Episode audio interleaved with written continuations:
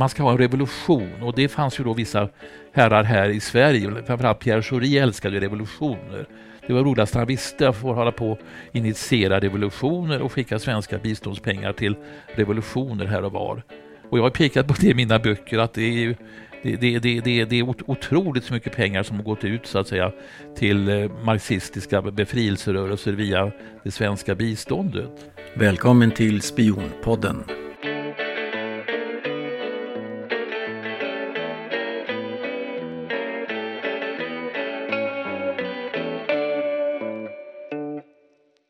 Hej och välkomna till ännu ett avsnitt utav Spionpodden, avsnitt 38.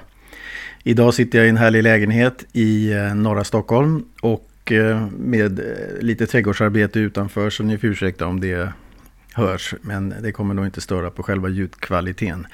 Idag har jag en gäst som jag har intervjuat tidigare. En fantastisk sex timmars intervju inför ett annat projekt och som är en, ett projekt som vi hoppas på att göra en dokumentärserie på också. Men ja, vi har glädjen att presentera professor i folkrätt samt internationell rätt, Bo Teutenberg. Välkommen! Tackar, tackar! Sa jag ditt namn rätt nu? Teutenberg, ja. Teutenberg, ja, just det. Eh, berätta lite grann vem du är. Ja, jag har ju haft ett antal olika befattningar. Dels så började jag i flygvapnet, eh, blev officer i flygvapnets reserv 1965. Det är ganska många år sedan och sedan blev jag attaché i utrikesdepartementet 66. Och sedan så blev jag juris doktor och docent i folkrätt 72 och eh, sedan blev jag också professor i folkrätt 84. Och jag blev också UDs folkrättssakkunnige. Det fanns ju en sån befattning förr i tiden, en självständig befattning efter Fälldins eh, valseger 1976. Och då tjänstgjorde jag ju redan då i den diplomatiska ordinarie karriären då från 66 och framåt. Så 1976 då när Fälldin övertog styret så utnämndes min företrädare Hans Blix som var docent i folkrätt till statssekreterare i utrikesdepartementet och då ringde man till Moskva och så pekade på mig och sa Bo, du råkar ju vara docent i folkrätt. Varsågod, du ska hem och bli folkrättssakkunnig. Och, eh, så att jag fick ju då efter cirka två års tid i Moskva packa ihop allt igen och fru och tre barn och ge mig tillbaka till Stockholm. Och sen satt jag på den posten då i, i ja, mer än ett decennium. Mm. Tills jag faktiskt då eh, råkade i gräl med den socialdemokratiska eh, ledningen i UD, Lennart Bodström och Pierre Schori.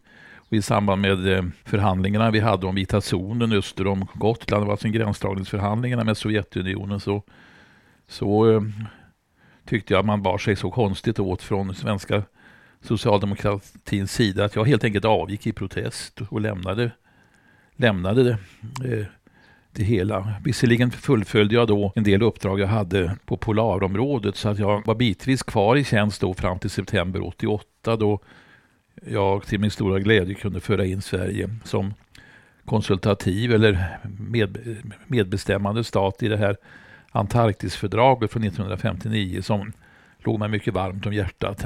Det, det, Vad var det för något? Ja, det är det fördraget som då internationella fördraget eller avtalet som styr Antarktis. Och jag la ju väldigt stor vikt under min tid som folkrättssakkunnig på polarfrågorna. Dels Arktis och dels Antarktis. För att i Arktis så hade vi ju vår store granne Sovjetunionen var ju mycket aktiva i Arktis, liksom de var i Östersjön. Mm. Och de hade ju den egenheten att man tyckte att både Östersjön och Arktis skulle vara så att säga vårt hav, Mare Clausum, ett stängt hav. Jag gjorde ju allt vad som var möjligt då för att helt enkelt slå hål på den, den teorin och vi skickade ju is, isbrytare upp i, i Nordpolen och den här Ymer 80-expeditionen och allt sånt där. Allt för att demonstrera liksom att ryssarna skulle minsann inte få vara ensamma här. För det hade ju också då verkan på deras doktriner om Östersjön, nämligen det att det här är, det här är för oss och alla andra eh, icke-strandstater har inte här att göra. Och naturligtvis då så bedrev Sverige en helt rakt motsatt politik och sa att Östersjön är ett öppet hav, välkommen alla, inklusive NATO. Mm. Vi tyckte det var mycket bra att eh, man hade NATO opererande både i vattnet och i luftrummet över Östersjön. För att då var vi inte ensamma mot Sovjetunionen och det var, det var fullständigt eh, livsfarligt för oss att vara. Så därför hade de här polarfrågorna en väldigt stor vikt, strategisk vikt för oss. Militärstrategisk vikt. Och eh, vi hade hoppats få gå igenom då Nordostpassagen för att fira Vegas färd 100 år tidigare. Men där sa ryssarna stopp. Alltså, nej, ni, ni får inte gå igenom Nordostpassagen och ni får framförallt inte ta prover här så att säga då så nära vår kust, vilket vi ville göra.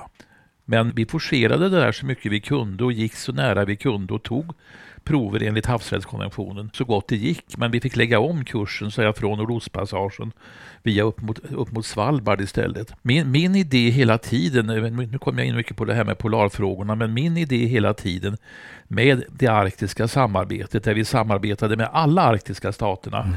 det var ju att lägga grunden då till ett regionalt eh, fredligt eh, samarbete för, för miljöskydd och forskning. Det var egentligen det det gick ut på. Och det, det, var ju frågor också då som så småningom lockade Sovjetunionen. Så att när jag började med det här 1976 då med polarpolitiken och framförallt var det ju känsligt gentemot Norge för att Nor Nor Norge är ju ett land som eh, har väldigt stora intressen i havsrätten och fisket och oljeutvinningen och så. Så att jag gjorde alltså en poäng av att ligga bakom Norge i deras eh, eh göranden och låtanden när det gällde så att säga kontinentalsockeln och deras havsrättspolitik och Svalbardpolitiken, naturligtvis då gentemot ryssarna. Och det gällde ju både fin Finland och, och Danmark också för övrigt, eftersom Danmark då sitter på suveräniteten över, över, över Grönland. Och även Finland eh, begränsar ju också då eh, till, jag menar, de har ju arktiska områden och och ja, vi kan gå in hur mycket som helst på detta då med ländernas politik gentemot ursprungsbefolkningen och samerna och allt det här. Men det kanske inte var det vi skulle Nej. prata om, om just Nej, men det är vansinnigt intressant. Ja, men, ja. men du har ju skrivit eh, några fantastiska böcker som heter Dagbok från UD i fem volymer. Som är vansinnigt intressanta, vansinnigt detaljerade och anser jag vansinnigt på ett kul sätt uppkäftiga. Ehm, berätta, varför har du skrivit de här dagböckerna? Ja, varför det egentligen? kan man fråga sig. Jag hade väl den egenheten från, från sådär 15-årsåldern att jag tyckte det var väldigt roligt i att eh, dokumentera saker och ting och klippa ut artiklar ur tidningar och sånt där. Så att jag hade då, ja, ja 14-15 års åldern en ganska ansenlig mängd tidningar och följde redan då politiken, framförallt i Sovjetunionen och Stalin och Beria och allt det här. Och varje gång jag såg Berias bild så gick ju kalla kårar ut med ryggen. Men jag, följde väldigt intensivt liksom den politiska utvecklingen redan från barnsben höll jag på att säga. Vad kan jag tillägga då? Beria var ju den... Ja, just det. Han var den här frukta, fruktade säkerhetsministern, alltså ja, KGB-chefen eller NKVD-chefen som det heter på den tiden. Helt enkelt säkerhets eller inrikesminister och eh, en av de mest förskräckliga figurerna överhuvudtaget i Sovjetunionens historia. Chefsbödel och eh, avrättare och, och, och, allt man kan tänka sig i den genren så uppfyller ju Beria. Han och Stalin tillsammans var ingen bra kombination. Det var ingen bra kombination överhuvudtaget inte alls i de här diktator diktatorerna där i Sovjetunionen. Men man måste ha klart för sig att de står ju alltså för ja, så mycket som upp till 200 miljoner människor har ju tagits av daga i ideologins namn. Och det är ju alldeles förfärligt tycker jag. Jag reagerade väldigt ja, moralisk avsky för detta på min tid redan som ung. Mm. Och eh, ja, ja, i alla fall så skrev jag tidigt faktiskt eh, dagböcker.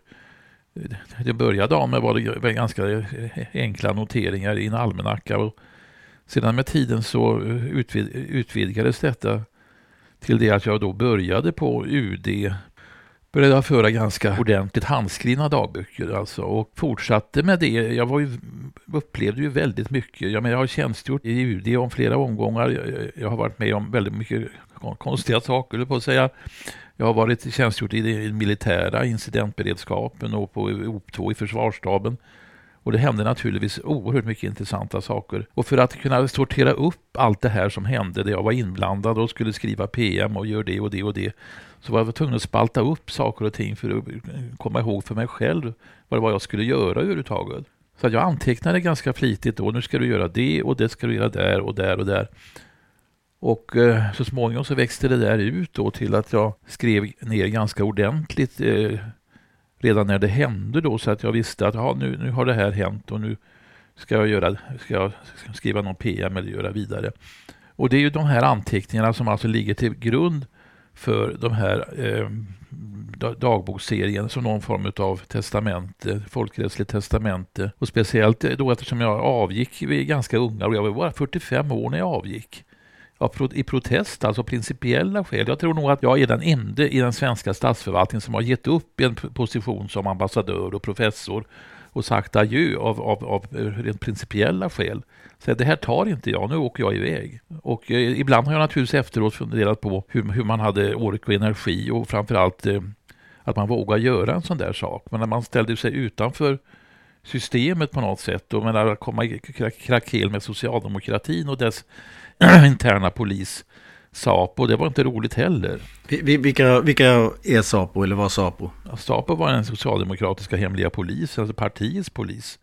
Som egentligen har, har att göra med en utveckling att eh, Socialdemokratin kom ju tidigt på att man skulle upprätta en organisation inom försvarsstaben där man helt enkelt skulle, ja, framförallt hålla, hålla koll på kommunister på den tiden. Jag var ju inte på, på något vis någon kommunist, men den här eh, organisationen som så småningom kom att heta IB, som är, som är känt naturligtvis från det att Jan Guillou avslöjade den 1973. Det var ju alltså en hemlig socialdemokratisk spionorganisation som framförallt eh, ägnade sig åt att spionera på inrik, inrikespolitiskt på, på motståndare. Framförallt då på kommunister och sådana här så att säga femtekolonnare som de då misstänkte. Det fanns naturligtvis vissa skäl till att man då hade en kontroll på personer som kunde tänkas vara säkerhetsrisker eftersom Sverige då ja, Eh, var neutralt och man då kunde komma i krig med, med, först både med Tyskland och sedan med, med, Sovjetunionen så var det naturligtvis viktigt att man inte hade personer som då man misstänkte gick, gick de här ländernas eh, ärenden. Så det finns ju helt och hållet skäl då till en personkontroll som man hade. Men att det sen skulle utveckla sig till den här enorma staten i staten som IB blev. Det var ju den här socialdemokratiske eh, ja, vad ska jag kalla honom för, ja, ja, underrättelsemannen eller informa, ja, informationsinsamlaren Birger Elmer, som för övrigt var god vän med Olof Palme, som redan på 50-talet satte igång och eh, inom försvarsstabens ram sitta igång och registrera alla kommunister och vänsterpersonligheter. Och det lustiga är liksom att han sitter ju i försvarsstabens underrättelseavdelning samtidigt med att Olof Palme är där. Man får ha klart för sig att Olof Palmes bakgrund är ju underrättelseofficerens. Han satt alltså på, i försvarsstabens underrättelseavdelning där han till och med 1952, vill jag minnas, blev alltså förste byråsekreterare. Det är ungefär samtidigt med att han då går över till Elander. Och möjligen kan det ju ha skett via Birger Elmér då, eftersom Birger Elmér då var socialdemokrat. Jag vet inte exakt hur rekryteringen har gått till där men, men Palme och Birger Elmér hade utvecklade förbindelser och då ska man ju märka det Birger Elmér tar ju mer och mer makten inom försvarsstabens underrättelseavdelning. Så det som lite, lite sådär eh, en passant hade bildats då som en socialdemokratisk eh, inre eh, hemlig spionorganisation för registrering blev ju mer och mer så att säga en väldigt viktig eh, bit för att eh, för partiet att hålla koll på eh, motståndare och rent politiskt sett och vad de sysslade med. Och jag skulle nog vilja gå så långt att jag påstår att det där så småningom så blev ju det mm, Ja, man använde ju namnet då IB, men den sektionen som, som var den socialdemokratiska eh, undersektionen för, för inrikes spioneri, det var ju 03 IB 03. IB 03. IB hade ju flera avdelningar, bland annat IB operativa avdelningen och det var den ja, ordinarie så att säga eh, ja, spionorganisationen eller agent, agentorganisationen när man hade svenska agenter som lydde under då Först var det Tede Palm som var underrättelsechef och sedan blev det Birger Elmér som tog över makten mer och mer från 64 och framåt. Men vi hade alltså ordinarie agenter och dels hade vi då sådana här registrerargubbar som registrerade eh, ja, kommunister och halvfarliga personer. Och det är 03 Och sedan, sedermera då när, när den här skandalen inträffar och, och Jan Guillou då, som också var en KGB-agent, är, är, är hygglig nog gentemot Sovjetunionen och bränna hela IB. Det var ju en förskräcklig historia. Han brände ju i princip så att säga hela den svenska underrättelsetjänsten.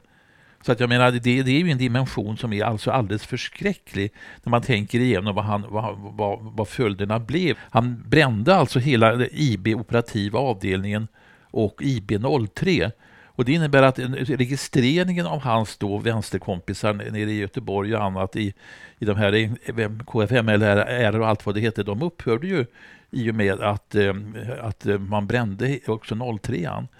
Så de personer som höll på att registrera de här extremisterna nere, nere, nere, nere i ärrarna som de heter nere i Göteborg, då är med sjukhusspionaffären och allt det här att göra också. Ja, de fick ju fritt fram då eftersom Guillou var hygglig nog att bränna alltsammans. Så de, de agenter som tjänstgjorde i IB, bland annat då Gunnar Ekberg och Svante Winqvist som finns med i mina böcker här, ja, så de, de brändes ju då och kunde inte användas sedermera. Och det var ju de som var så att säga avdelade för att, så att säga, tränga in i och fånga upp Jan Guillou som KGB-spion egentligen. Mm. Men i alla fall, när han bränner det här då så stoppar man ju den inrikes registreringen, för det var ju jätteolagligt. Man hade, sossarna hade ju jättesvårt att förklara hur, hur i helsike man skulle sitta och eh, åsiktsregistrera motståndare. Det var ju till och med jättesvårt att förstå. Dessutom inom försvarsstaben. Så det blev ju alltså en, en världens skandal. Och S-partiet på något sätt hade ju ingen aning hur de skulle vrida detta. Sven Andersson, försvarsministern, som ja, hade väl hållit på att vara med och, arrangera den här historien, visste ju varken ut eller in. Mm. Olof Palme visste inte ut eller in. Han, alla, alla, alla ljög ju helt enkelt rakt ut i luften för att klara sig. Mm. För det här var ju så, så eh, totalt emot demokratins principer man tänkas kan. Men i alla fall, när man inte kunde använda den här eh, 03an längre och vi hade den här sjukhusspionaffären då som kommer på. Först har du IB-skandalen 73 och så kommer sjukhusspionaffären i Göteborg 75 med samma personager inblandade. Då är ju Birger Elmér inblandad där också. Och det är han då som antagligen då när han får avsked ifrån 03 då kastar man ut honom och säger det här är en skandal, vi kan inte ha dig kvar. Men då organiseras den här så kallade krigs-IB. Alltså man gör en, en socialdemokratisk eh, motståndsrörelse, en, en socialdemokratisk Stay Behind som är parallell med den här andra Stay Behind-organisationen som eh, Alvar Lindenkrona ledde och som sitter i Skandiahuset där Olof Palme sköts för övrigt. Det fanns två olika, minst två, kanske fanns till och med tre olika Stay Behind-organisationer. Mm. Men i alla fall, Birger Elmér ligger bakom den här krigs-IB som är en socialdemokratisk motståndsorganisation. Och där många utav, ja, framförallt nere i Göteborg, då, där hade vi mycket radikala personer, men väldigt många utav de här socialdemokratiska chefredaktörerna eh, hade ju då förmånen så att säga att bli registrerade inom IB och slapp då naturligtvis att göra ordinarie så att säga repövningar och, och, och militärtjänstgöringar. Så att de behövde inte tänka på i valrörelser och annat att de skulle bli inkallade utan de var registrerade under IB och hade frikort så att säga. Och det är en del andra mycket kända socialdemokrater som utöver de här chefredaktörerna också hade frikort. Lars Engqvist hette han väl tror jag hade frikort och det var till och med tal om att man skulle registrera Sten Andersson som, som IB-agent. Jag kan nämna namnet på många IB-agenter. Anders Thunborg var också IB-agent. Eh, Pierre Schori hade ju också med IB att göra. Så alla socialdemokrater av viss porté hade ju alltså med IB att göra. Då har du alltså den historiska gången då mellan IB 03, eh, krigs-IB och det är den som sedan kommer att då framträda under namnet eh, SAPO inom citationstecken. Det här är naturligtvis då en sån här skoj, skojtitel på, på alluderar på Säpo. Det, det är underförstått att detta är Socialdemokratiska partiets eget Säpo. Mm. Och den bildades då kring 75 av Birger Elmér. Men det intressanta är ju att enligt de forskningar jag har bedrivit i mina böcker, där jag i volym 5 visar helt öppet då, tidningsartiklar ifrån vänsterpressen här, då, då säger man helt öppet att det är Per Schori som är, är den utsedde chefen då för det här SAPO, som egentligen är deras slagorganisation då. Och jag har uppfattat det som så att eh, när det uppträder någonting som är farligt för, för sossarna ja, även Palmemordet på något sätt, då har du en slagkraftig organisation som är beredda helt enkelt att eh, ja, kill the opponent så att säga. Det, det, det, det är det det handlar om helt enkelt. Att på olika sätt neutralisera en obehaglig person som vet för mycket. Jag har själv råkat ut för det. Den här Juholt har också råkat ut för det som vi pratade om tidigare. Det var också sådana här drev som sattes igång. Så även om det inte finns några affärer från början så, så tillverkar man sådana affärer. så att säga. Och det var precis exakt samma som, som, som, som KGB och eh, Stasi gjorde. De var experter på att kompromettera folk och att eh, tillverka saker och ting som inte fanns.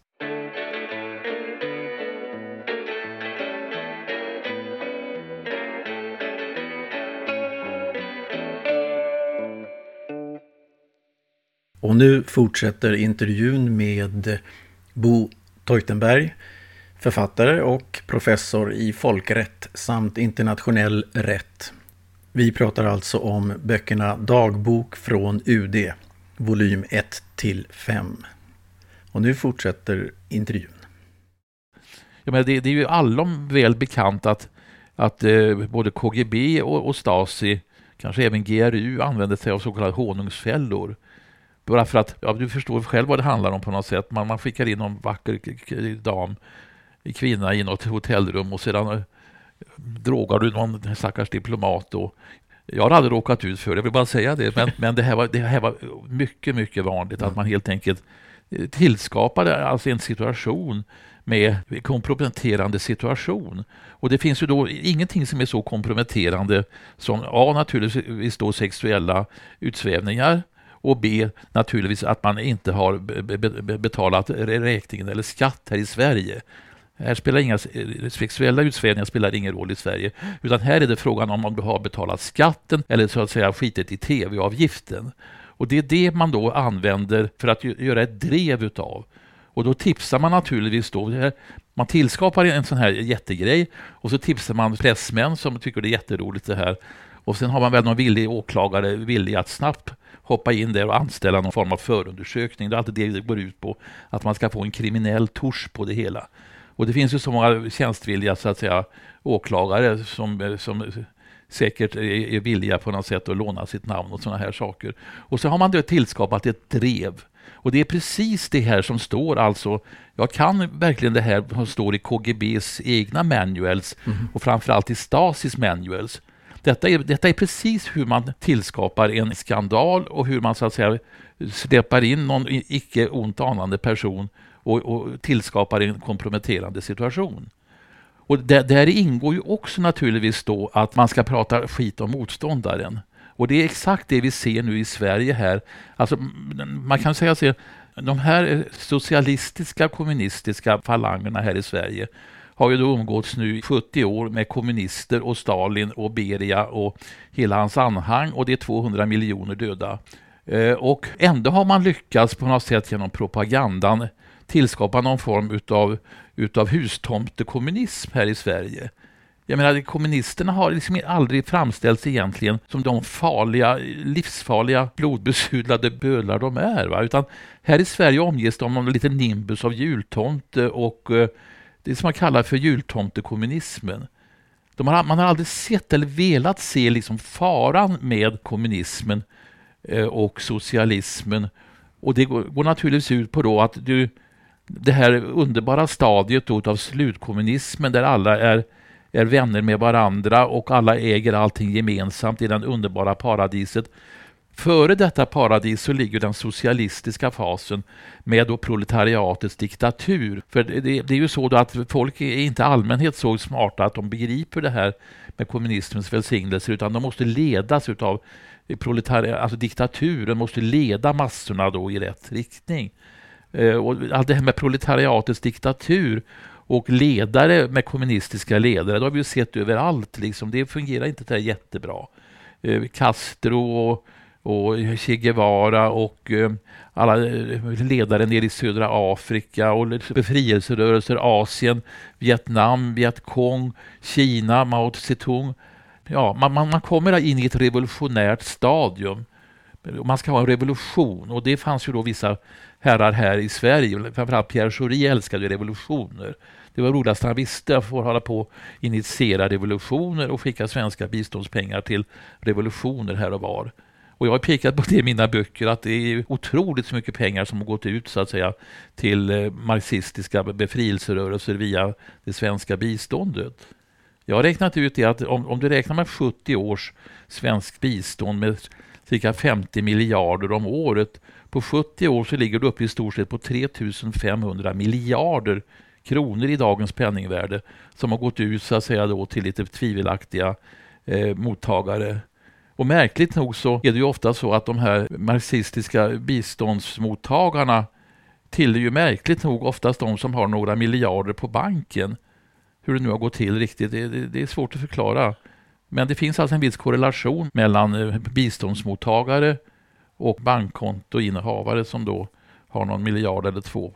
Det, det är någonting som man borde undersöka, pekar jag på i mina böcker. Att det, det, här, det, här, var ingen, det här var ingen sund utveckling, utan det här är någon form utav, utav plan som har utvecklats. Så att säga. Man måste ju ha klart för sig att kommunismen, alltså det här där du har olika skeden då, så att säga. Det socialistiska skedet med proletariatets diktatur. Och vi stannar ju oftast där, det blir inte mer. Men det är jätteroligt att få tillhöra liksom nomenklaturan. Tillhör man nomenklaturan, vilket då vissa herrar på UD gjorde, som jag ibland kallar entouraget och Palmes pojkar. Jag menar, då hade man ju karriären klar för sig och man fick fina poster och man fick eh, excellenstitlar och fina residens och allting. Så det, det var ju jätteroligt att tillhöra nomenklaturan. Men för, vad var nomenklaturan? Ja, nomenklaturan det, det är ju det, det, ledande skiktet så att säga. Det, det tillhör ju det här skiktet som heter proletariatets diktatur. Det är ju det att eh, alltså, den, den dumma massan begriper ju liksom inte egentligen finessen med, med det här slutstadiet av kommunism, utan de måste ju ledas in i då, eller underförstått så att säga läras in i att det här kommer att bli bra till slut.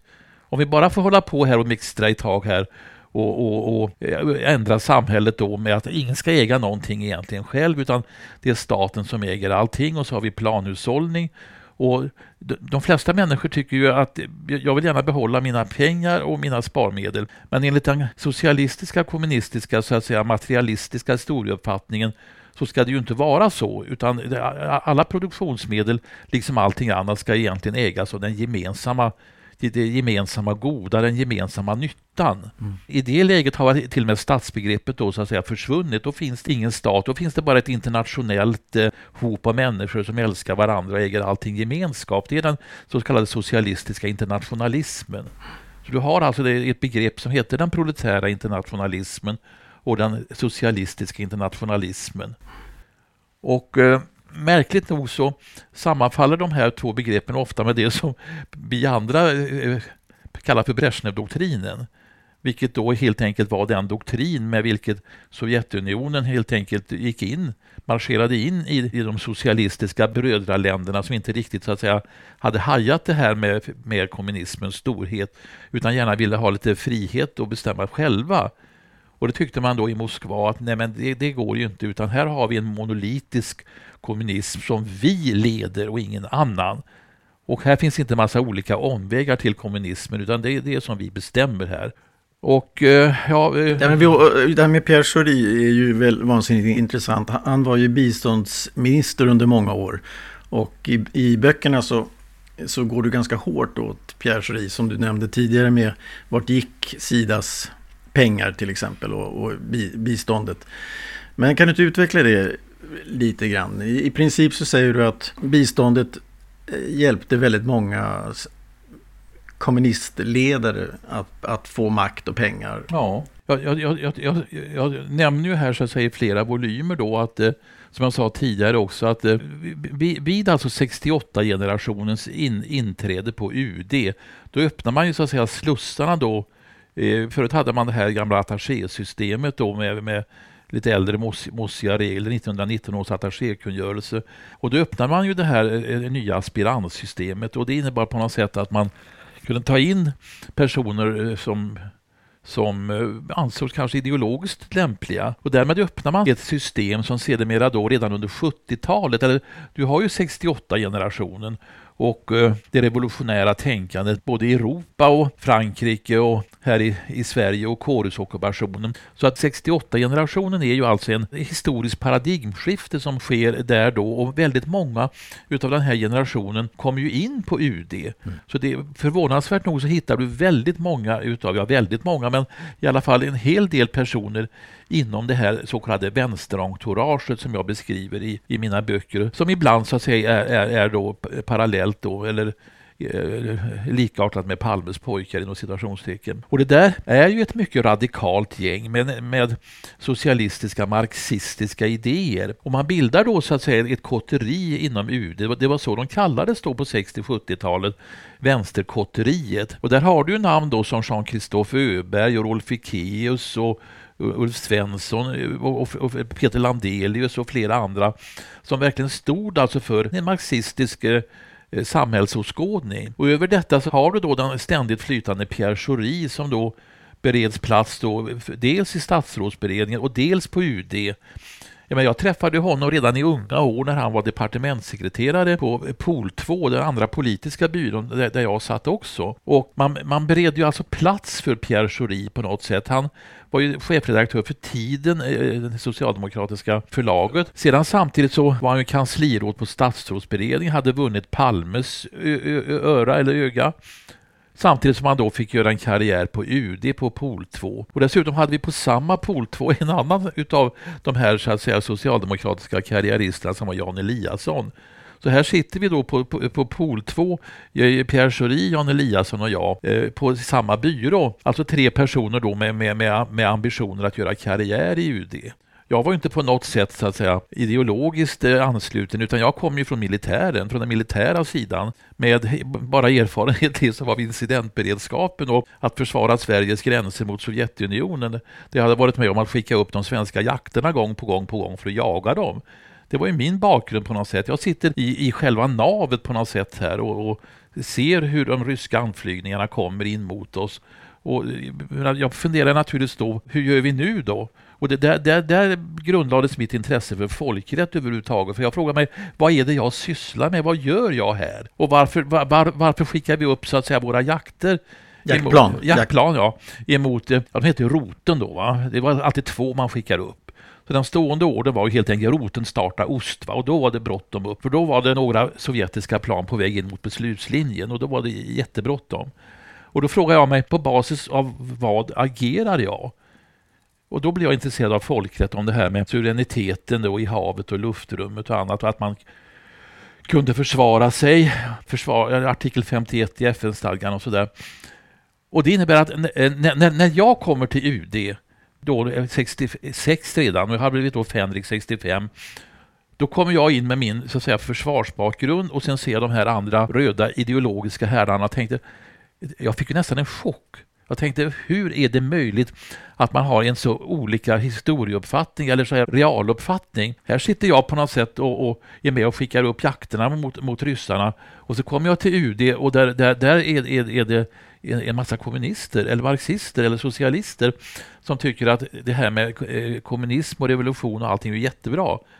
Och det, det, blir ju en värld för mig som är nästan omöjlig att smälta till slut. Men hur gick den ihop? Ja, den går ju inte ihop på något sätt. Den går ju inte ihop. Men hur, hur det än är så, så ser man ju hur det här vänsterkotteriet ändå så att säga tar makten i UD. Och vi har ju den här kuppen då 1973 då det här vänsterkotteriet försöker ta över de facto makten i, i UD genom att ja, nästan på ett revolutionärt sätt eh, mota ut de här gamla mossiga diplomaterna. Sverker Åström som i och för sig så att säga tillhörde då Östen Undéns gamla vapengäng, till och med han då som var kabinettssekreterare vill jag minnas, reagerar ju och går till Palme och säger det att det, här, menar, det måste vara någon ordning på torpet här. Jag kan inte desavoueras av, av så att säga några underordnade marxister här utan antingen så avgår jag nu eller också får du ordna upp det här. Och det är ju då som Palme, eh, och detta är 73, mm. Och då har vi så att säga en, en, en det, det, är ju efterdyningarna utav 68-rörelsen. Torsten Nilsson har efterträtt Östen Undén som utrikesminister.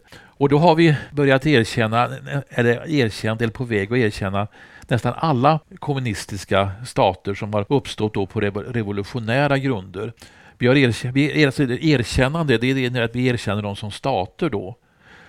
Och det gäller alltså Kina, det gäller Östtyskland, det gäller Kuba, det gäller Nordvietnam och eh, jag har säkert glömt, det, det finns fler kommuner. Nordkorea. Nordkorea. Alltså Sverige då som ska vara en neutral stat ligger faktiskt i the forefront när det gäller erkännandet av kommunistiska regimer. Och nu kan man säga det att okej, okay, folkrättsligt sett så finns det kravet då på att en stat för att vara erkännad som en stat fullt ut ska ha ett väldefinierat territorium som man har då kontroll över.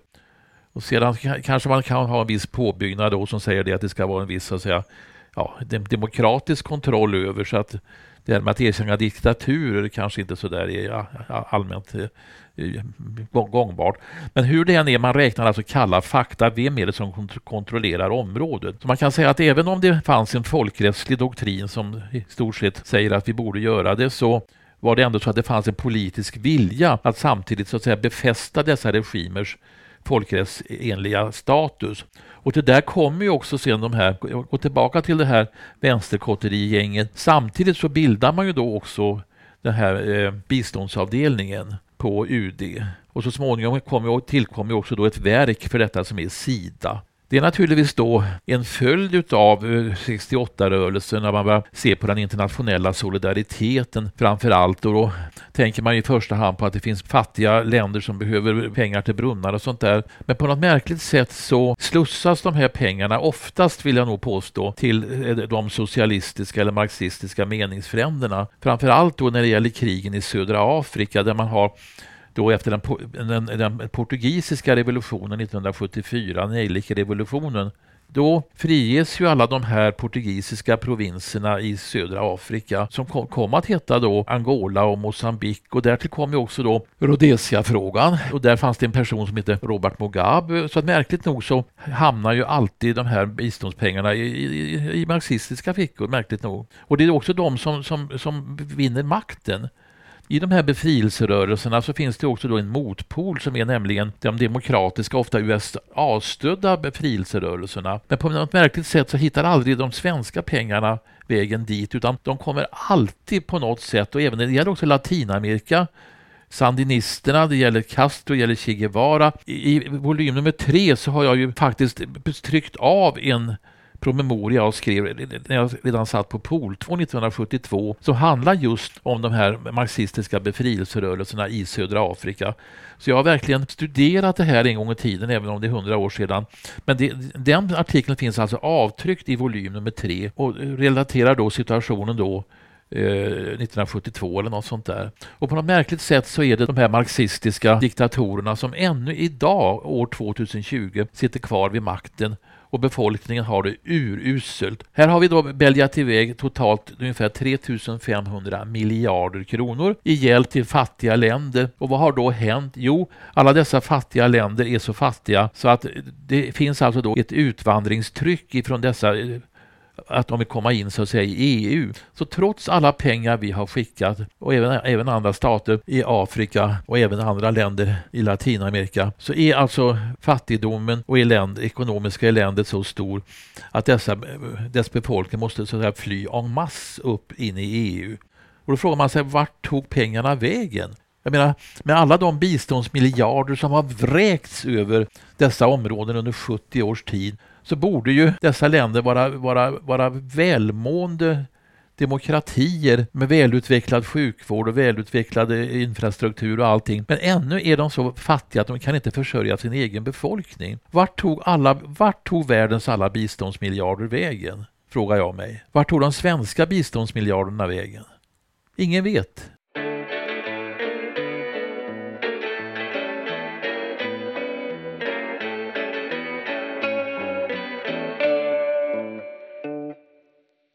Jo förresten, man vet, men det är bara det att det här är så känsligt så att jag tror att när Kalle Bildt tillträdde sin regering så beordrade han en undersökning. Vart tog alla Pierre Schoris pengar vägen? Men sedan när han förlorade makten och Ingvar Carlsson tillträder igen då naturligtvis med Pierre Schori som biståndsminister Ja, då, då eh, konfiskerades den utredningen och de här bilagorna som var början på den här utredningen, jag skriver om detta i mina böcker, den belades med hemligstämpel under 30 år. Jag tycker att när man tittar på allt samman som har hänt på biståndssidan, där Pierre Schori var kabinettssekreterare i nio år, där jag avgår i protest. och det hade att göra med att han skulle själv åka och förhandla i Sovjet? Ja, alltså det, min protest är, är, ju inte egentligen så att säga direkt relaterad till vita zonen, även om det var det som kom att utlösa det hela. Och vita zonen, bara förklara för Ja, alltså vita zonen det var ju det här omstridda området öster om Gotland som vi skulle dela med Sovjetunionen. Svenska där, gränsen? Ja, och där gällde det på något sätt, skulle man ha 100 procent eller skulle man så att säga inte få någonting? Mm. Och där så intog naturligtvis då den socialdemokratiska ledningen som vanligt en eftergiftslinje som man alltid har gjort. Medan jag då som ändå av Palme skickades till Moskva, det var han som skickade mig dit, faktiskt höll en maximalistisk linje. Jag, jag, jag började med ryssarna och sa jag vill ha 100 procent av zonen. I alla fall 90. Och till så småningom, så småningom så ledde mina ansträngningar faktiskt fram till att vi fick 75 procent och de 25.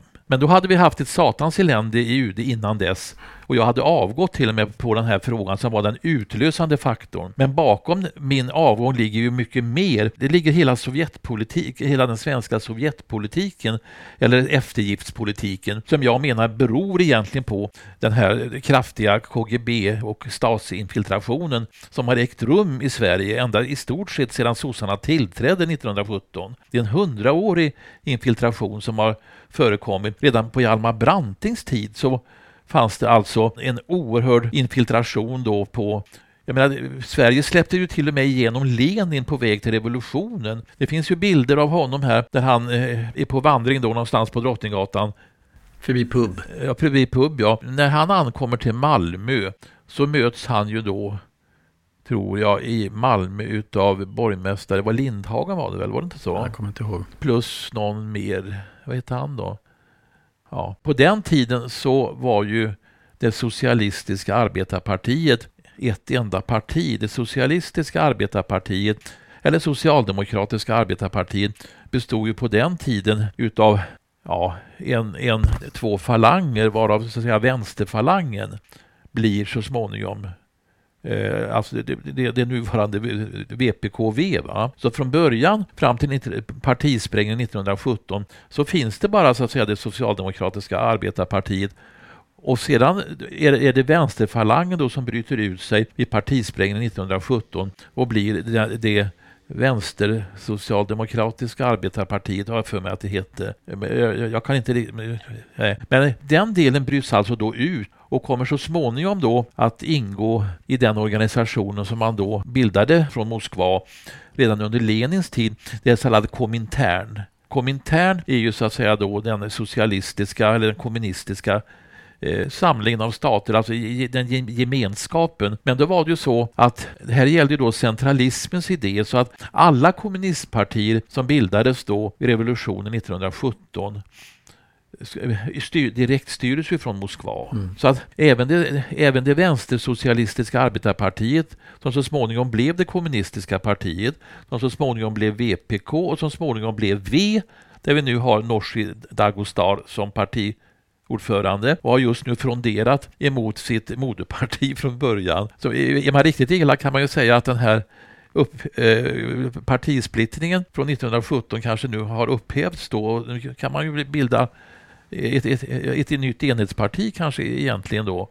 Och med Nooshi då som kanske gemensam partiledare. Nu är jag riktigt elak här. Hon står i alla fall upp för sina åsikter. Ja, men i alla fall, det var, det var, det var så det ägde rum.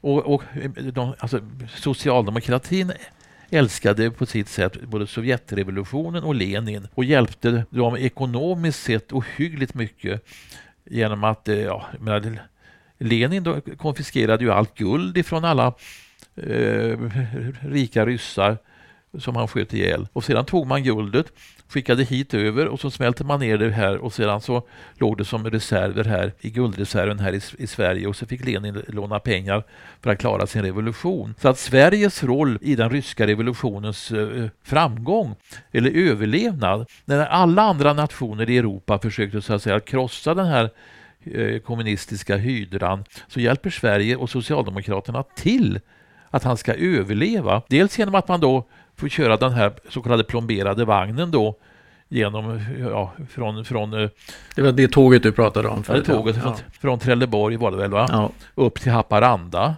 Och i Haparanda så så eh, får han då köra genom det så kallade nålsögat. Det innebär det att man i släde fick dras över då från Torne älv då. Mm. Haparanda var ju den tidens eh, spioncentral. Allt hände i Haparanda. Här fanns allting. Här fanns liksom spioner från öst och väst och gulasch, gulasch och handel. Eh, fina hotell och lite ja, lösaktiga damer. Allting fanns samlat här i Haparanda. Jag vet inte hur det, hur det är nu i Haparanda. Det kan man inte tro. Ja, men jag var där ganska nyligen. Ja, det kan man nog inte tro. Nej. Ja, men på den tiden, 1917, kring revolutionen, så, så minsann så var Haparanda en jätteviktig eh, utväxlingsort för, för revolutionärer och Lenin kom ju den vägen och får åka tåg hela vägen då tillbaka ner till Moskva. Det tar ju en, en lång tid. Och där sätter han igång då med sin revolution. Det här blir ju mycket värre än man någonsin kunde tro för att Ingen hade väl någon aning eller någon tanke på att revolutionen skulle bli så oerhört blodig som den blev. Där man utrensar liksom, man utrensar ju hela, hela jag menar, det, alltså, bolsjevikerna var ju den, den revolutionära delen. Mensjevikerna var ju den mer demokratiska eh, socialismens förespråkare. Men nu blev det då så att säga spjutspetsfalangen, den, alltså bolsjevikerna som tog över makten genom först Lenin då och hugger huvudet eller så att säga skjuter ihjäl. Nackskotten var, var ju legio, men alla motståndare helt enkelt bara död, dödas rakt upp och ner. Rakt upp och ner. Och det är detta jag menar, att detta är ju kommunismens fasor på något sätt. Och det fortsatte ju genom historiens lopp i stort sett. När Lenin dör 1924 av hjärnblödning någonting, då hade ju eh, Josef Stalin Vassionoris Djugasvili som han hette från början med kodnamnet först Kobra och sen Stalin. Han tar ju över redan 1922 som generalsekreterare i, i SUK, alltså, alltså i i, i Sovjetunionens kommunistiska parti och ut, utvecklar sig då på, på basis av marxism-leninismen så får man ju då en överbyggnad som heter stalinismen också på det hela och som ju väldigt, by, väldigt mycket bygger på det jag beskriver i mina böcker som KGB-ismen. Alltså helt enkelt eh, hota, avrätta och hämnd och så vidare. Det är den här så kallade tjeckistiska metoderna.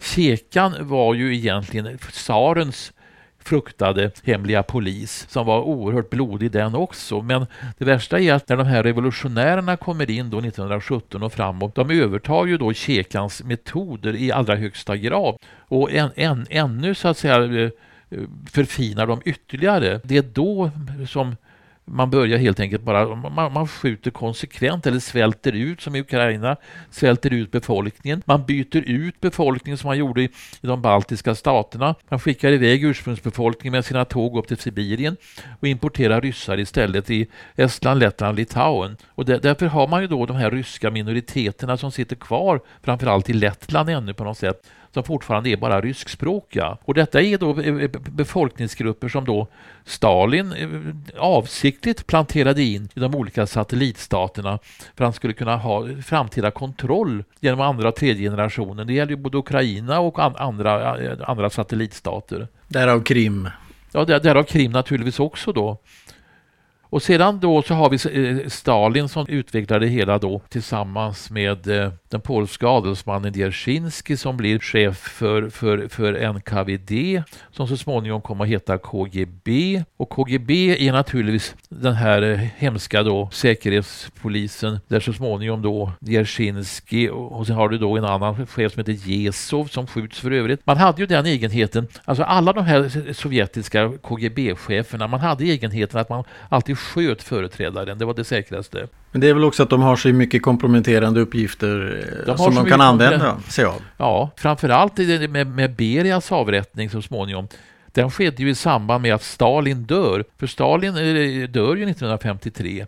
Och då stod ju Beria, tror jag tillsammans med Molotov då i begrepp att eh, helt enkelt överta makten. I det läget så... Han blir snäll plötsligt. Förlåt? Han blir ganska snäll plötsligt. Han blir ganska snäll plötsligt. Ja. Men de övriga politbyråmedlemmarna som då var Khrushchev och det var naturligtvis då Mal Malenkov och det var, det var, det var, eh, eh, det var Bulganin Shepilo var han med redan då, jag kommer inte ihåg riktigt det. Men, men i alla fall, man inser då på något sätt att ingriper vi inte mot Beria, då kommer han att skjuta oss samtliga och ta makten. Så han var ju på väg att ta makten. Och sedan så är det ju faktiskt Khrushchev som har kraften nog att helt enkelt ställa Beria inför fait accompli. Att du här vid ett hemligt sammanträde med politbyrån har vi beslutat här att du är statens fiende och du är dömd då till döden och det där verkställs ju ganska omgående. Ja, plötsligt var han borta på bilderna. Plötsligt var han borta på bilderna.